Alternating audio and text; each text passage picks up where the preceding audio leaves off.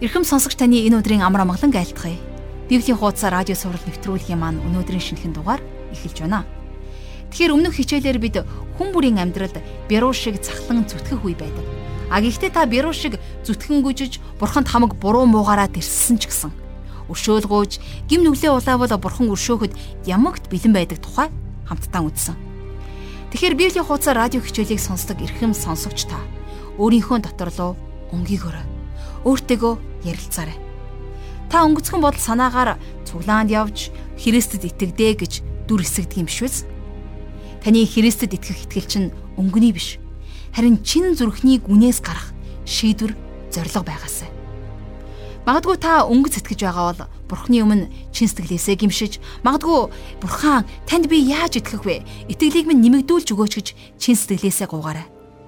Бурхан нууцаар уршигч эцэгтэй залбирвал тэр сонсноо гэж хэлсэн байдаг. Тэгэхээр бурхан хүний чин сэтгэлийн хүсэлд хариулж амьдралынхын замыг гэрэлтүүлж гийгүүлж өгдөг.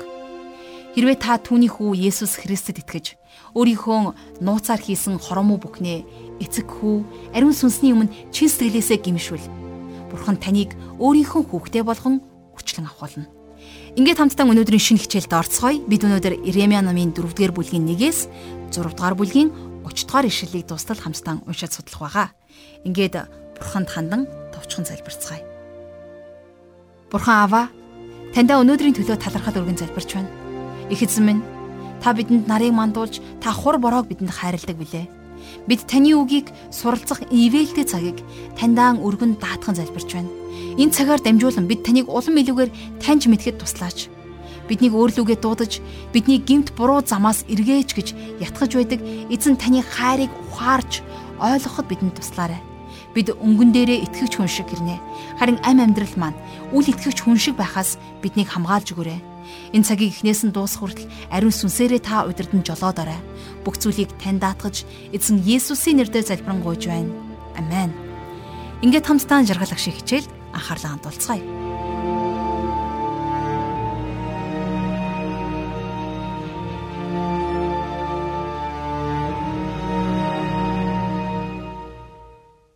За өнөөдрийнхөө хичээлээр бид хамтдаа Ирмай номын 4-р бүлгийг судлахаар бэлтгэлээ.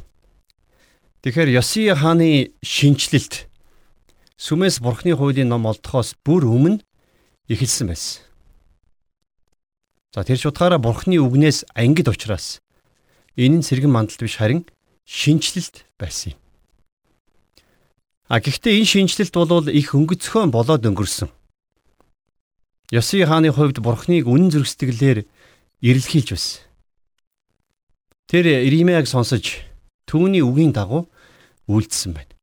Харин Юдагийн ард иргэд бурхан руу эргэхээс харамсалтай татгалцсан юм. Тэгэхээр Иремья номын 3-аас 6 дугаар бүлэг дээрх иш үзүүлэгт ард түмнийг бурхан руу эргэхээс зөрүүдэлж байгаа тухай онцлон бичсэн байна. За өнгөрсөн хичээлдэр та бидний хамтдаа үзсэн 3 дугаар бүлгийн 10 дугаар ишлэлдэр Гэтэл энэ бүгдийг үл харгалзсан итгэл эвдэгч игч Юудан бүх зүрхээрээ над руу буцаж ирсэнгүй. Харин хуурамчаар ирв гэж эзэн тунхаглаж байна гэж бичсэн байдаг. Юдагийн ард түмэн бурхан руу өнгөн дээр эргэсэн байсан боловч зүрхсэтгэлээрээ эргээгүй.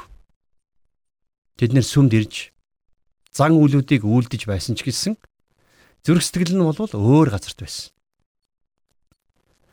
Уг нь Йосия хаан тэдний зүрх сэтгэлийг өөрчилөхийг үнэхээр хүссэн байсан. Эндээс бид нар нэг зүйлийг харж болно л доо.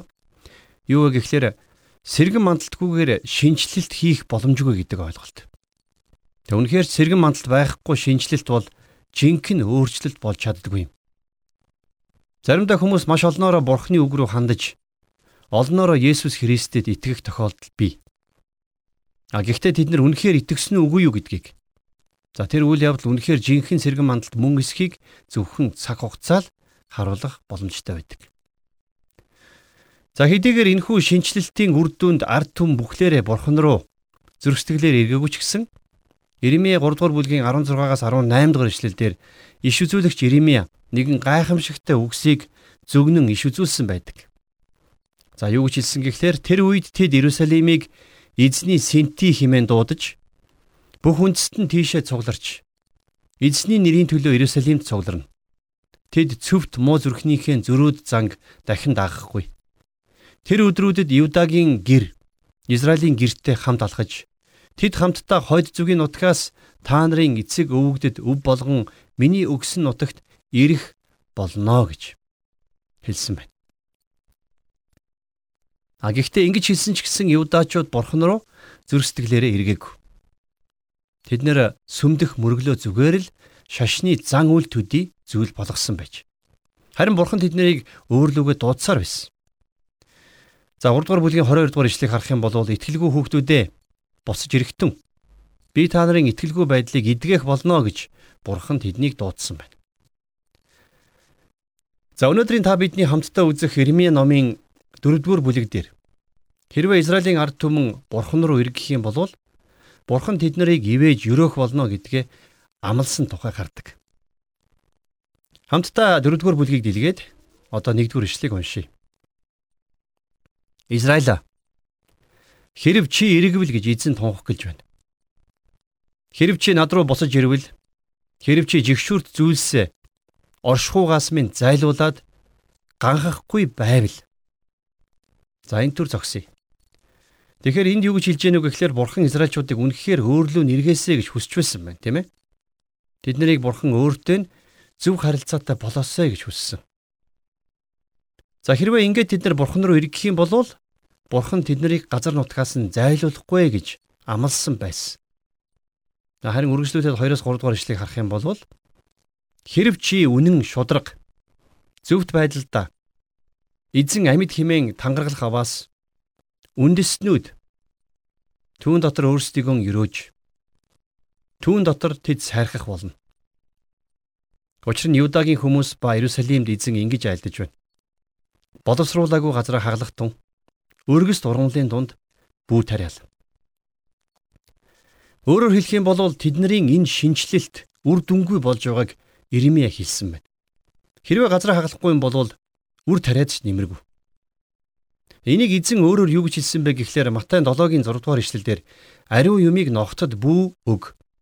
Өөрсдийн сувдыг гахааны өмнө бүү хай гэж хэлсэн байна. Тэгэхээр зарим тохиолдолд бол бид нар бурхны үгийг хилээд ч нэмэргүй байх тийм үе байдаг. А бас заримдаа хүмүүс нэр нүр олж сүр дуйлан тарихын тулд бурхны үгийг дамжуулах тохиолдол ч гардаг. Бурхан хэлэхдээ боловсруулаагүй газараа хаглах тун гэж хэлсэн. Зүрх сэтгэлийн хатуурсан хөрсийг гимжлийн анцсаар хагалж байж л бурхны үгийг суулгах ёстой. Тэгэхээр Иремья номын 4-р бүлгийн үлдсэн хэсэгдэр эхлээд Бурхан Юдагийн ард түмэнд хандаж хэрвээ Бурхан руу ирэхгүй болвол юу болох тухай сануулсан байна. Бурхан тэднийг хүлээж байгаа тэрхүү аимшигтай шийтгэлийг зарлан тунх гэлж тэднийг Бурхан эзэн рүүгээ эргэж ирээчээ гэж дуудсан. За эцэст нь Иремья тэдний дээр буух шүүлтийг яг байгаагаар нь хэлсэн байна. Өнөөдөр заримдаа манай сүм чуулгануудад тайвшруулсан дандаа л аргадсан үгс биш. Харин заримдаа иш үзүүлэгч Ирмиягийн үгс шиг хатуу үгсийг дамжуулж байх хэрэгтэй гэж би хувьдаа боддог. Ягд үгийвэл та бид нар хатуурсан хөрснүүдийг хаглах хэрэгтэй. А тэгэхгүй бол шүүлт бон шүү дээ. Бид нар хүмүүсийг бурхан руу эргээчээ гэж дуудах ёстой. Харамсалтай нь өнөөдөр энэ дуудлага хитрхи багдаж байх шиг санагдаж байна. Бид нар яг л хогийн ургамлаар дүүрэн хөрсөн дээр үр тариад байгаа юм шиг заримдаа надад санагддаг. Тэгэхээр энэ үгсээр дамжуулан Бурхан бидэнд үүнийг анхааруулж байгаа. Гэхдээ хэрвээ бид нар цааш нь харах юм бол Бурхан Юдаг өөрлөгөө ирэх боломжийг дахин дахин олгосоор байсан байна гэдгийг харах болно. За дөрөвдүгээр бүлгийн дөрөвдүгээр эшлэл дээр Юдагийн хүмүүс болон Иерусалимийн оршин суугчдаа эзний төлөө өөрсдийгөө хоцол зүрхээ хоцлуулах тун. Эсвэл та нарын үйлсийн муугаас болж уур хилэн минь гал мэт гарч шатан хинч унтрааж чадахгүй гэсэн байна. Тэгэхээр тэд нар бол гаднаа хөвч хөндүүлсэн. Өөрөөр хэлэх юм бол гаднаа хоцлуулсан байсан. Харин зүрх сэтгэлд нь ямар ч өөрчлөлт гараагүй. Тэгэхээр хөвч хөндүүлэх буюу хоцлол гэдэг нь Израиль үндэстэн бурхных болсон гэсэн утгыг илэрхийлдэг бэлэг тэмдэг байсан тийм ээ. Гэхдээ энэ бол зүгээр нэг зан үйл төдий зүйл байгаагүй. Тэдний хувьд хоцлол гэдэг нь маш чухал сүнслэг ашиг бүгдлийг агуулдаг байсан. Энэхүү хоцлолыг үйлдснээрээ Израильчуудын зөргсгөл бурхан руу эргэх ёстой байсан. За энэ удаад Иремья тэднэрт хойд зүгээс босч ирж байгаа нэгэн их хүчний талаар сануулсан байна. Энэ хүч нь тэднийг устгах болно гэдгийг ч тодорхой хэлсэн. За энэ хүч нь хэн байсан гэхлээр мэдээж Вавилон ус байсан тийм ээ. Хамтдаа 4-р бүлгийн 6-аас 8 дугаар ишлэгийг уншийе. Сион тийш туга босго. Хорогдох газар хай. Бүү зогс. Учир нь би хойд зүгээс гай гамшиг ба аимшигт сүрлийг авчирч байна. Арслан ойш уугаасаа гарч үндэснүүдийг устгахч хөдлөлөө. Тэрээр газар нутгийг чинь цөлмөхөөр өөрийн газраас гарав. Хотуудыг чинь оршин суугчгүй балгас болгоно. Үүний төлөө таар өмсөж гашуудан уйл. Учир нь эзний ширүүн уур хилэн биднээс эргэж буцаагүй. За хойд Израиль улсын 10 овг аймаг нь хэрхэн яаж цөллөгт явсныг тэд нүдэрэ харсан байсан. Тэр үзэж харсан бүхнээсээ сургамж авахыг Иремья тэднэрт сануулж байсан. Баруун хойд зүгээс нэгэн шин хүч босч ирэх бөгөөд тэр хүч Юдаг устгах болно гэдгийг Иремья ийхүү иш үзүүлэн зөгнсөн байна. Хүний төрлөх махан биеэс ямар ч зөвхт зүйл гарахгүй. Та бодоод үзтээ. За тийм л учраас Иремья тэднийг зүрх сэтгэлээ хоцлуулаач гэж хэлсэн байна. Харин хүмүүс бурхан руу ирэхээс татгалцсан. Хин нэгэн хүн эсвэл сүм чуулган эсвэл улс үндэстэн бурханаас татгалзах үед бурхан тэднээс татгалздаг. Израильчууд өөрсдийн хаан болох Есүс Христээс татгалцсан. Тэд нар Есүстээс татгалцсан учраас Есүс ч тэднээс татгалцсан байдаг. Матай 23-ын 38 дугаар ишлэгийг харах юм бол харах тун гэр чин та нарт хоосон үлдэж байна гэж хэлсэн. Хэрвээ та Матай 23 дугаар бүлгийг бүхлээр нь уншаад таны дотор Бурханаас эмээх сэтгэл төрөхгүй бол өөр юу ч таныг айлгаж чадахгүй байна гэж би хэлмээр байна. Тэгэхээр та Есүсийг дандаа л дүлгөө номхон гэж бити бодоорой. Тэд нар Есүсийг хаана болгохоос татгалцсан учраас Есүс тэднээс татгалцсан юм а. Та биднэрт Бурхныг үл тоох, Бурхнаас татгалзах эрх байгаа. А гэхдээ нэг зүйлийг санаарай. Хэрвээ та Бурхнаас татгалзах юм бол Бурхан бас танаас татгалзах болно. Бурхан бол сайн Бурхан. Бурхан бол өршөөнгүй Бурхан. Бурхан бол төвчээртэй. Уужуу. Тэм учраас Бурхан өөрлөө нэргэх боломжийг дахин дахин өгсөөр байдаг. Бурханаас дахин дахин татгалцсаар байх юм бол эцэстээ бурхан тэднээс татгалзна. Улмаар бусад хүмүүс ч гэсэн тэд нарыг үл тоож эхэлдэг. За тэгвэл Израиль яг л ийм юм тохиолдсон. Өнөөдөр та бидний дунд бурхны дагалдагч болж бурхны алдрын төлөө амьдарч байгаа дүр эсгэгч итгэгчид цөөнгүй байна. Цуглаанд явж байгаагаа итгэгч болчихлоо гэж ойлгодог хүмүүс ч цөөнгүй байна. Гэтэл та бидний зүрх сэтгэл бурхан руу ирэхгүй юм бол хэрвээ бид бурханы үгийг амьдралдаа чухалчлахгүй юм бол бид бурханыг дагаж амьдарч байгаа дагалдагчд бишээ. Өнөөдөр та бид нэр Иремягийн байсантай адилхан тийм нөхцөл байдал донд амьдарч байгаа. Олон хүмүүс Христэд итгэж байгаа юм шиг цуглаанд явдаг ч гэсэн үнэн дээр тэдний дотор жинхэнэ итгэл байхгүй байгаа учраас амьдралд нь ямар ч өөрчлөлт гарахгүй байна. Хүн гадна талдаа бурханд итгэдэг юм шиг дүр эсгсэн ч гэсэн тэр хүн нэгэн зөрсдгэлээс бурхан руу эргээгүй учраас эцсийн дүндээ болвол бурхан тэр хүнээс татгалзах болно. Библийн гашуун үннийг байгаагаар нь хэлсэн хүнд хүмүүс дургу байдаг. Иремьяд ч гэсэн хүмүүс таагүй хандсан. Одоо хамтдаа 4-р бүлгийнхээ 22 дугаар ишлэгийг харъя. Учир нь хүмүүс минь мунхаг. Тэд намайг мэддэггүй. Тэд тэнэг хүүхдүүд бөгөөд ухаангүй. Тэд ёр мөг үлдэхтэй сүрхий. Харин сайныг үлдэхийг тэд мэддэгвэ гэж бичсэн байна. Хүмүүс мэрэгэн ухаанд итгэдэг. Том том сургууль төгссөн, мундаг мэдлэгтэй хүмүүсийг хүндлэн дээдэлдэг. А гэхдээ байна хүн хэдийгээр том том сургууль төгсөж асар их эрдэм мэдлэгийг цуглуулсан ч гэсэн бүтээгч бурхнаа таньж мдээгүй бол бурхан тэр хүнийг мунхаг гэж дуудана. Зарим хүмүүс бурхныг Библийг буруутгаж шүүмжилж янз бүрээр ярьдаг. Гэхдээ үнэн дээр тэд ердөөсөө мэдхгүй зүйлийн талаар яг мэддэг юм шиг ярьдаг. Тэд нар бурхныг мэддэггүй шүү дээ. Бурхны үгийг мэддэг болохын тулд эхлээд бурхныг таньж мэдэх хэрэгтэй. Бид нар зүгээр ямар нэгэн уран зохиолын номыг уншихдаа заавал зохиолчийг мэддэг байх шаардлагатай байдаг үстэй. Яг гэвэл хүн хүнийхээ зохиосон номыг ойлгож чадна. Харин бид нар Библийг ойлгох гэвэл эхлээд бид нар Библийн зохиолч болох Бурхныг таньж мэдэх хэрэгтэй. Бид нар Библийг зохиолчоор нь л заалгана. Зөвхөн Бурхны ариун сүнсэл Бурхны үгийг та биднэрт ойлгуулах чадaltaй. За одоо харин үргэлжлүүлээд хамтдаа номынхон 5 дугаар бүлгийг дэлгэе.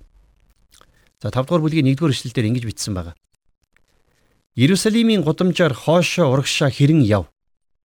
Тэгээд харж ажигл. Шударгыг үлддэг. Үннийг ирлхийлдэг ганц хүнийг чи олох гэж задгаа талбайнуудаар хай. Олбол би тэр хотыг өршөөнө гэсэн байна. Тэгэхээр Грекийн нэрт гүн ухаантан Диогенес Афины гудамжаар дэнлүү бариад ямар нэгэн зүйл хайгаад явж байсан тухай түүх байдаг штэ. За тэгэд хүмүүс тэрнээс юу хайж байгааг нь асуусан чинь шудраг хүн хайгаад олохгүй байна гэж хариулсан байна. За тэгвэл энтэй адилхан өнөөдөр бид нар бас Улаанбаатарын гудамжнаас за эсвэл хаан чинь тийм ээ нэгэн том хотын гудамжнаас шудраг зөв хүнийг хайгаад явбал юу болох вэ? Хуучин гэрэн дээр гардаг Авраамийн түүх байна. Гэхдээ Авраам яагаад Содом Гоморог битгий устгаач ээ гэж Бурханаас үргэлжлүүлэн гуугаагүй болов? Та энэ тухай бодж үзсэн үү? Яагав санаж байна уу? Бурхантай Авраам наймаалцдаг тийм ээ. Хэрвээ тэр хотоос 10 зөвхт хүн олох юм бол тэр хотыг өршөөнө гэсэн Бурхны амлалтыг сонсоод Авраам цааш нь гуйхаа зогсоосон байдаг. Бурхан нэгч болов зөвхт хүний төлөө тэр хотыг бүхэлд нь аврах чадaltaй гэдгийг Авраам ухаарсан байна.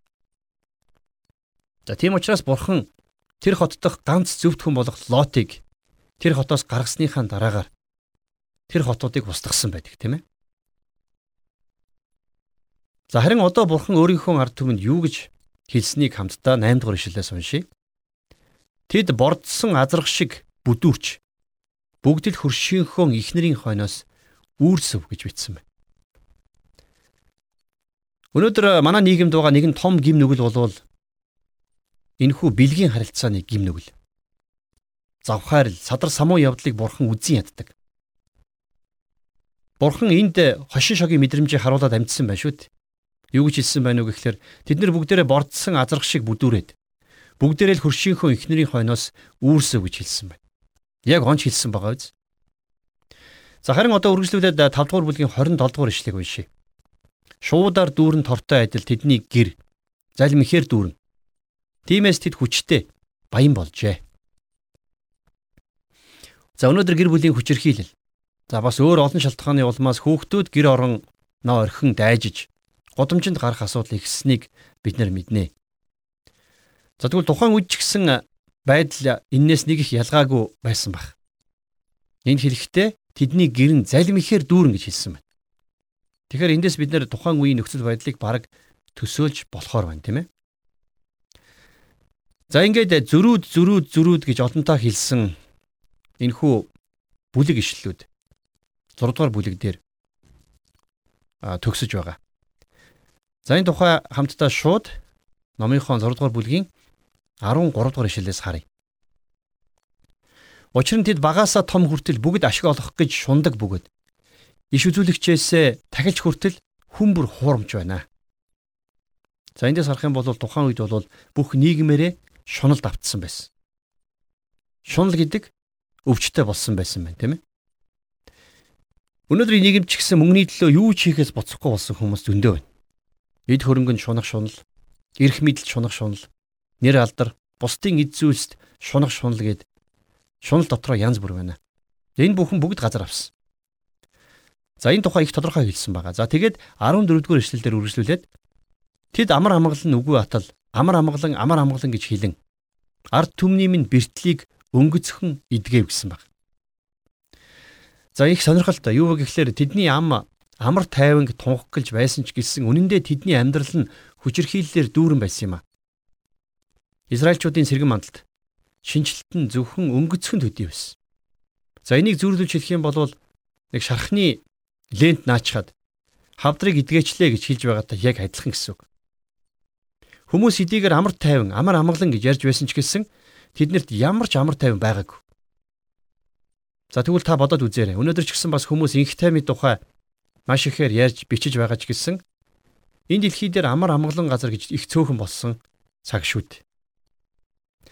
За 19 дугаар ишлэгийг үргэлжлүүлэн харъя. Газар дэлхий сонсох тун. Үзэх тун.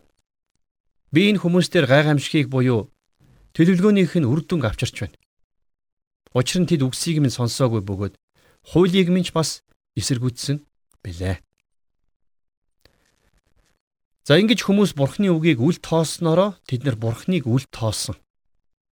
Харин хин нэгэн хүн бурхныг үл тоох үед энэний ардаас үргэлж муу үр дагавар дагалдаж байдаг.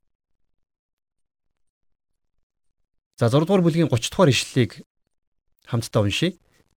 Эзэн тэднийг голсон тул тэд гологдсон мөнгө гэгдвэ. Тэд нар бурхныг үл тоомсорлсон учраас бурхан тэднийг голсон гэж тодорхой хэлсэн байна тийм ээ.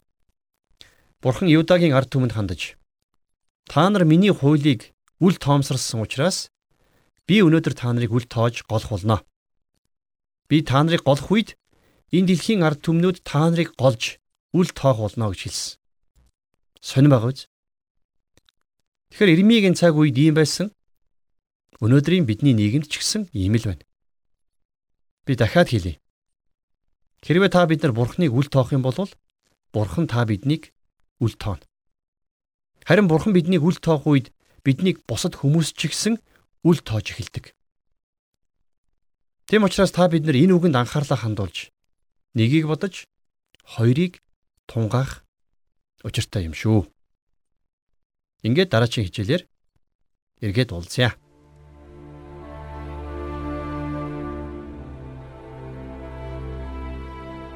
Тэгэхээр өнөөдрийн хичээл энэ хүрээд өндөрлөх гэж байна.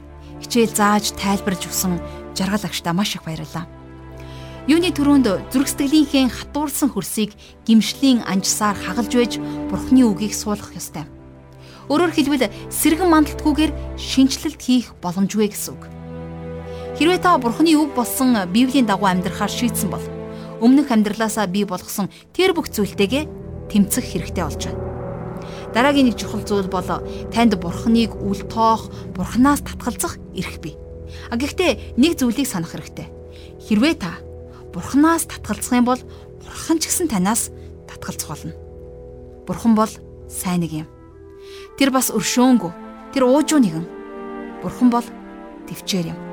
Тийм учраас Бурхан танд өөрлөгөө эргэх боломжийг дахин дахин өгсөөр байх болно.